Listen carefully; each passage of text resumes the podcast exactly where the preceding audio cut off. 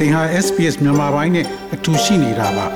sbs.com.au/burmese မှာပုံမထူးခဲ့တဲ့သတင်းစာမားတွေကိုရှားဖွေပါ SBS မြန်မာပိုင်းကို အင်ကာနဲ့စနေနေ့ည10:00နာရီမှနားဆင်နိုင်တယ်လို့အွန်လိုင်းကနေလည်းအချိန်မီနားဆင်နိုင်ပါပြီ။သောရရှိများရှင်အခုဆိုရင်ဘဲကိုပဲသက်သွား အိတ်ထဲမှာပတ်စံတွေမကင်တော့ပဲခတ်တွေကိုသာအသုံးပြုလာနေကြတဲ့အတွေ့ cashless society လက်ထဲမှာငွေသားမကင်ဆောင်တော့တဲ့လူမှုအတိုင်းဝိုင်းအဖြစ်တဖြည်းဖြည်းပြောင်းလာနေကြပြီဖြစ်ပါတယ်။အခုဆိုရင်ဘဲဆိုင်ကိုပဲသွားသွားအားလုံးနီးပါးကကတ်တွေနဲ့ဝဲခွင့်ပေးတဲ့အတွက်ပတ်စံတွေကင်သွားစရာမလိုတော့ပါဘူး။အဲ့ဒီလိုအခြေအနေမျိုးမှာဖက်ဆန်ရဲ့တန်ဖိုးကိုကလေးတွေနားလည်အောင်ဘယ်လိုသင်ပေးနိုင်တယ်လဲလို့ရေးထားတဲ့ Ricardo Conclaves ရဲ့ဆောင်းပါးကိုဘာသာပြန်တင်ဆက်ပေးမှာဖြစ်ပါတယ်။ Financial Planning Association ရဲ့အစည်းအဝေးမှာဖော်ပြချက်အရ digital ငွေခေတ်ကြီးထဲမှာ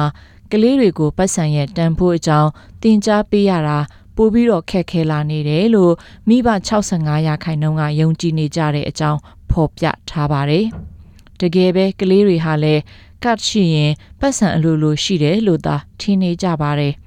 အဲ့ဒီတော့စာသင်ကျောင်းတွေနဲ့မိဘတွေအနေနဲ့အခြေခံအားဖြင့်ပတ်စံရဲ့တန်ဖိုးကိုကလေးတွေနားလည်အောင်ဘယ်လိုသင်ကြားပေးနိုင်တယ်လဲဆိုတာကို လေ့လာကြရအောင်။ Helen Lewis အတွေ့ကတော့သူ့ကလေးတွေကိုငွေရက်တန်ဖိုးသိအောင်သင်ပေးဖို့ကအရေးကြီးလာတယ်လို့မြင်ပြီးအနာဂတ်မှာအလုပ်လုပ်ရတဲ့ပုံစံကပြောင်းလဲမဲ့အနေအထားရှိတာကြောင့် ကလေးတွေငွေကိုချင့်ချိန်သုံးစွဲတတ်အောင်သင်ပေးချင်တယ်လို့ပြောပါတယ် I think that it's more likely our children will work in a situation where they will maybe have more than one job or work in contract work. And I believe that the onus will be on them to manage their money more carefully ကျမအထင်ကကျမတို့ရဲ့သားသမီးတွေအလုပ်လုပ်တဲ့ခေတ်ကြရင်အလုပ်တစ်ခုထက်မကလုပ်ပြီးတော့ တဲ့တန်းတူအလုပ်တွေကိုစားချုပ်ချုပ်ပြီးလုပ်ရမယ့်အနေအထားဖြစ်လာမယ်လို့မြင်ပါတယ်။ဒါကြောင့်ကလေးတွေချင်းချင်းချက်ချင်းနဲ့ပတ်စံကိုတုံးတက်အောင်သင်ပေးဖို့ကကျမတို့ရဲ့တာဝန်ဖြစ်တယ်လို့ယူဆပြီးသူတို့ရဲ့ငွေကြေးသုံးစွဲမှုဟာသူတို့ရဲ့အိုးအိမ်ပိုင်ဆိုင်မှုနဲ့သူတို့ရဲ့စူပါတွေအထိတည်ရောက်မှုရှိနိုင်တဲ့အတွက်ဖြစ်တယ်လို့သူ့ရဲ့အမြင်ကိုပြောပြခဲ့ပါတယ်။ Helen မှာကလေး၃ယောက်ရှိပြီးကလေးတွေဟာ သူတို့လုပ်တဲ့အလုပ်ပေါ်မူတည်ပြီးတော့တပတ်စာအတွက်မုတ်ဖိုးတွေရရှိကြတယ်လို့ရှင်းပြပါတယ်။ So Lizzie gets $6 because she's 6 and then Stella gets 8 because she's 8 and Con gets 14 because he's 14 and then he and then if they want to do extra chores then they can have extra money Lizzie too ဆိုရင်အသက်6နှစ်မို့လို့6ဒေါ်လာမုတ်ဖိုးရပြီးတော့ Stella က10နှစ်မို့10ဒေါ်လာရပါတယ်။ Con ကအသက်14နှစ်ဆိုတော့14ဒေါ်လာရပြီးဒီထက်မကမုတ်ဖိုးလို့ချင်ရင်တော့မုတ်ဖိုးပိုရနိုင်မဲ့အလုပ်တွေကိုကျမသတ်မှတ်ပေးထားတာရှိတယ်လို့သူ့ရဲ့သင်ကြားမှုအကြောင်းပြောပြခဲ့ပါတယ်။ကလေးတွေဟာသူတို့ရရှိတဲ့မုတ်ဖိုးတွေကိုစုဘူး၃ခုတည်းခွဲထည့်ရပါတယ်။တစ်ခုကတော့ပရဟိတလုပ်ငန်းအလူဒန်းအတွက်တစ်ခုကတော့စုဆောင်ဖို့အတွက်ဖြစ်ပြီးနောက်တစ်ခုကတော့ သူတို့စိတ်ကြိုက်သုံးဖြုံဖို့အတွက်ဖြစ်ပါတယ် So to begin with, um,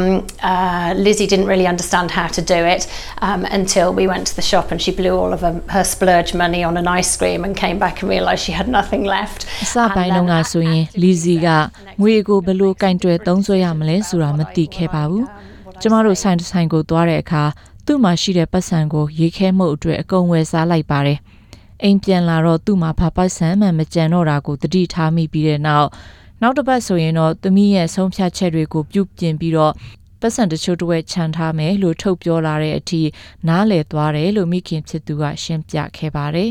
။ Helen ရဲ့သား14နှစ်အရွယ်ရှိသူ Con ဟာအခုဆိုရင်သူ့ကိုယ်ပိုင်ဘဏ်အကောင့်ရှိနေပြီဖြစ်ပါတယ်။ He understands he's got a card with it, but it's not a credit card, it's a debit card, and, and that kind of thing. So he can't tap and go, he has to actually withdraw money. So he physically sees the money, and I really like that aspect သူ of the မှာ bank ကတ်တွေ account. ရှိတယ်ဆိုတာကိုသူသဘောပေါက်ပါတယ်အဲ့ဒီကတ်ဟာ credit ကမဟုတ်ဘဲ debit ကဖြစ်နေတဲ့အတွက်ဈေးဝယ်တဲ့အခါကတ်ကိုတိုးလိုက်ရုံသာလုပ်လို့မရပါဘူး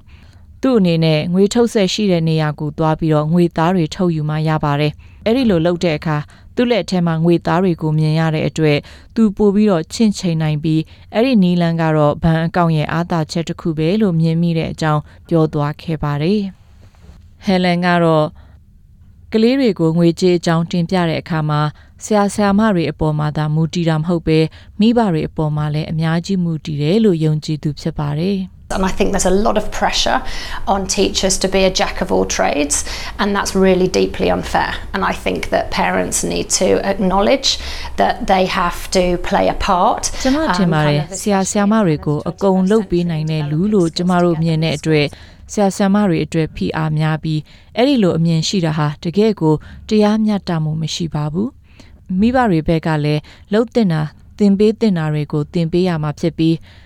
အထူးသဖြင့်21ရာစုခေတ်မှာစာသင်ကျောင်းနဲ့အတူပူးပေါင်းပြီးတော့ကလေးတွေရဲ့အရေးချင်းကိုမြင့်တင်ရမှာဖြစ်တယ်လို့ပြောသွားခဲ့ပါတယ်။ Laura Higgins ဟာ Australian Securities and Investment Commission ASIC အဖွဲ့ကဖြစ်ပြီးကလေးတွေငွေကြေးသုံးစွဲတတ်အောင်လုပ်ပြီးတဲ့နီလန်းတွေဟာ Australia နိုင်ငံရဲ့တင်ယိုညွန်းနှန်းတွေထဲမှာပါဝင်ပြီးသားဖြစ်ပြီး အဲ့ဒီဘာသာရတွေကတော့သင်ချာနဲ့ business study ဘာသာရတွေဖြစ်တယ်လို့ပြောပါတယ်။ But there's also those informal learning opportunities where you can teach financial literacy education, for instance, around fundraising. You know, there are lots of opportunities that kids have to bring a gold coin donation, and there's learnings around that. ကျောင်းဘာသာရ And နဲ့ often မဆိုင်ပဲတခြားနီလန်းတွေနဲ့လည်းကလေးကိုငွေကြေးစီမံခန့်ခွဲရေးပညာတွေသင်ကြားပေးနိုင်ပါတယ်။ဥပမာရန်ပုံငွေအတွက်ဈေးရောင်းပွဲလုပ်တာတွေဒါမှမဟုတ်ကလေးတွေဟာ တဒေါ်လာတန်2ဒေါ်လာတန်ရွှေဝါရောင်ငွေပြားတွေလူဒန်းနိုင်ဖို့ကျောင်းကိုအလူငွေတွေယူလာပါဆိုပြီးတိုက်တွန်းမှုမျိုးတွေလည်းအမြဲတမ်းရှိတဲ့အတွက်အဲ့ဒီလိုကိစ္စမျိုးပေါ်လာတဲ့အခါအခွင့်ကောင်းယူပြီးကလေးတွေကိုငွေကြေးအကြောင်းနားလည်အောင်ပြောဆိုပြီးတော့ငွေကြေးနဲ့ပတ်သက်လာရင်ဘယ်လို့ဆုံးဖြတ်ချက်ချမလဲပြဿနာကိုဘယ်လို့ဖြေရှင်းမလဲဆိုတာတွေကို ပြောပြရင်ကလေးကတစတစနဲ့တိလာမှာဖြစ်တယ်လို့ပြောပါတယ်။ Catherine Woodburn ဟာ Sydney မြို့ Northern Beach Christian ကျောင်းကဆရာမတူဖြစ်ပြီးသူ့ကျောင်းမှာဆိုရင်ကလေးတွေအသုံးပြုတဲ့စာရေးကိရိယာပစ္စည်းတွေကိုပေါ်ပေါ်တီတီမပေးဘဲအကန့်အသတ်နဲ့သာထားပေးပြီးတော့လှုပ်ပြောင်ရင်ပြန်ရော်ခိုင်းတဲ့စနစ်ကျင့်သုံးတယ်လို့ပြောပါတယ် where the students are actually provided with the materials up front at the beginning of the year, and part of that money is um, charged to the parents for the stationery that we provide. And then at the beginning of each semester, so that's twice a နှစ် year, စာမှာ the ကလေးတွေ students လို are အပ် given မဲ့စာရေးကိရိယာတွေကိုပံ့ပိုးပြီးတော့အဲ့ဒီအတွက်ကုန်ကြစရိတ်တချို့တစ်ဝက်ကိုမိဘတွေကပေးဆောင်ပါတယ်။ semester တစ်ခုစတင်တဲ့အခါကလေးတွေအတွက်စာရေးကိရိယာတွေကိုတစ်ခါပေးတာဖြစ်လို့တစ်နှစ်မှာနှစ်ခါပေးတဲ့သဘောဖြစ်ပါတယ်။အဲ့ဒီအထက်ကတစ်ခုခုပျောက်သွားပြီးဒါမှမဟုတ်ကုန်သွားပြီးဆိုရင်တစ်ခုစီအတွက်10ဒေါ်လာပေးဆောင်ရတယ်လို့ရှင်းပြခဲ့ပါတယ်။ အဲ့ဒီလိုချွေတာရေးကနေထွက်လာတဲ့အပူငွေတွေကိုကျောင်းရဲ့စားတောက်ဆိုင်ကန်တင်းတွေမှာကျောင်းသားတွေသုံးစွဲနိုင်တဲ့အတွက်အဲ့ဒီလိုစနစ်ကိုကြိုက်တယ်လို့ကျောင်းသားတူဖြစ်တဲ့ Hugo Wood ကပြောပါတယ်။ Um, we learned how to do budgeting and how to like realize the value of money. Because if you have a pencil at home, you can just go to mum and say, "Oh, buy me a new pencil. I lost it." But then if it's at school and you have a budget, you have to realize and make sure you don't lose anything because you want to အဲ့ spend လို that စ money န in စ် the ကြောင့်ကျွန် canteen. တော်တို့ budget အကြောင်းနားလည်ပြီးတော့ငွေရက်တန်ဖိုးကိုလည်းပိုနားလည်ရပါတယ်။ဘာဖြစ်လို့လဲဆိုရင်တော့အိမ်မှာဆိုရင်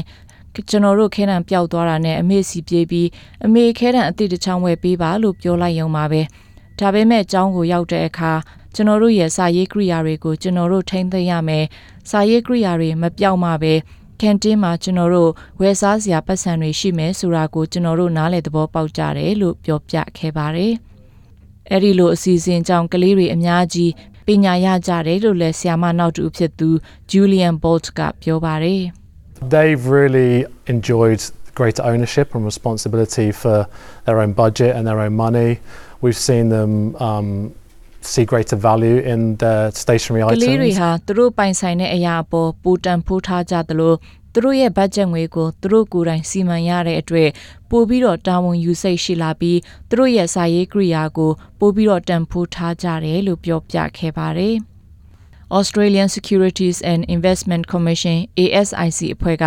Laura Higgins အတွက်ကတော့ ASIC ကနေဆရာဆရာမတွေအဲ့ဒီလိုတင် जा ပေးခြင်းရင်လုံနိုင်တဲ့နီးလန်းတွေချပေးထားတာရှိတယ်လို့ရှင်းပြပါတယ်။ that are accredited and aligned to the teaching standards um, that teachers can access online for free. Um, and to date, we've had almost 40,000 teachers across Australia access those ဆရာဆရာ professional မတွေ learning လေ့ modules. လာနိုင်အောင်လုပ်ပေးထားတဲ့အရာတွေဟာတရားဝင်အသိအမှပြုထားတဲ့အရာတွေ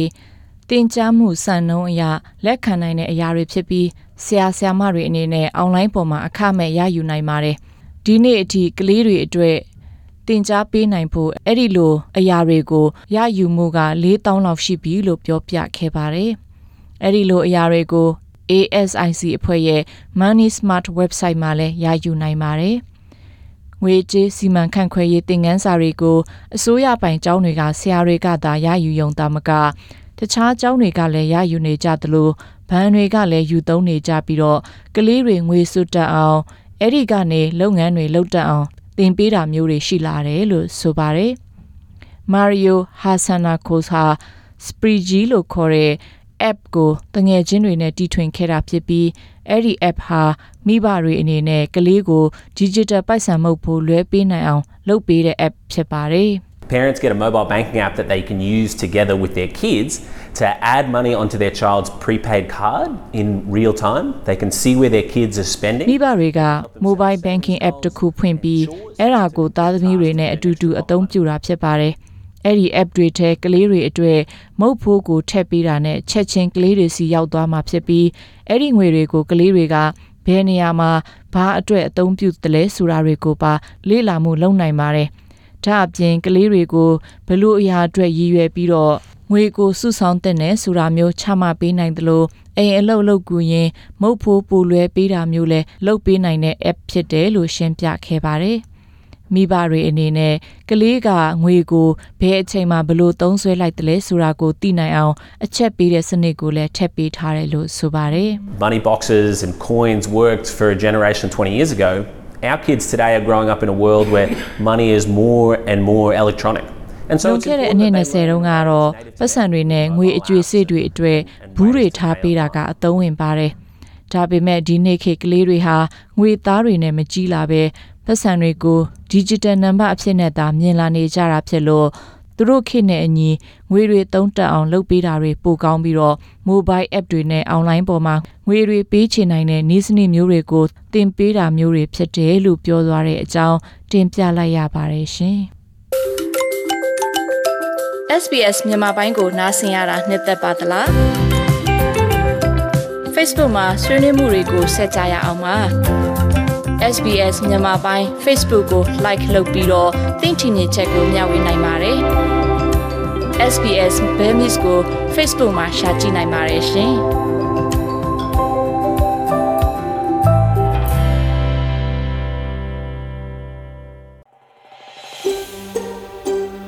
ဒါမျိုးသတင်းဆောင်မတွေကိုပိုနားဆင်လိုပါလား Apple Podcast Google Podcast Spotify တို့မှာသင်ပင်ရာဖြစ်ဖြစ်ရယူတဲ့ podcast കാർണിക